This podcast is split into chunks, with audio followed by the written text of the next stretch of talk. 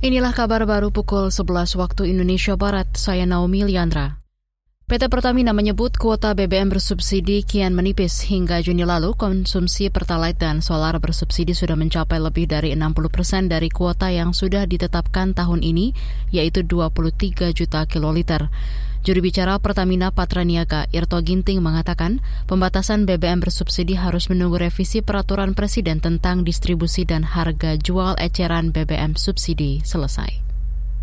Saat ini belum dilakukan pemberlakuan QR Code. Paralel, kami masih menunggu revisi Perpres 191 tahun 2014. Melihat kuota yang tersedia, pengaturan harus segera dilakukan. Karena bila tidak, perlu ada penambahan kuota BBM bersubsidi.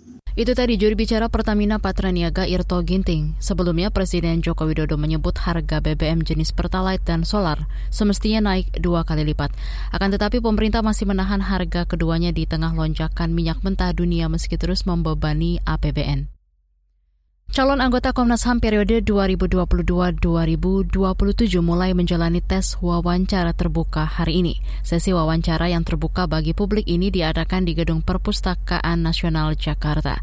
Panitia seleksi membagi 27 calon menjadi empat kelompok. Untuk hari ini ada tujuh orang dari kelompok satu yang menjalani sesi wawancara mulai pukul 8 pagi tadi.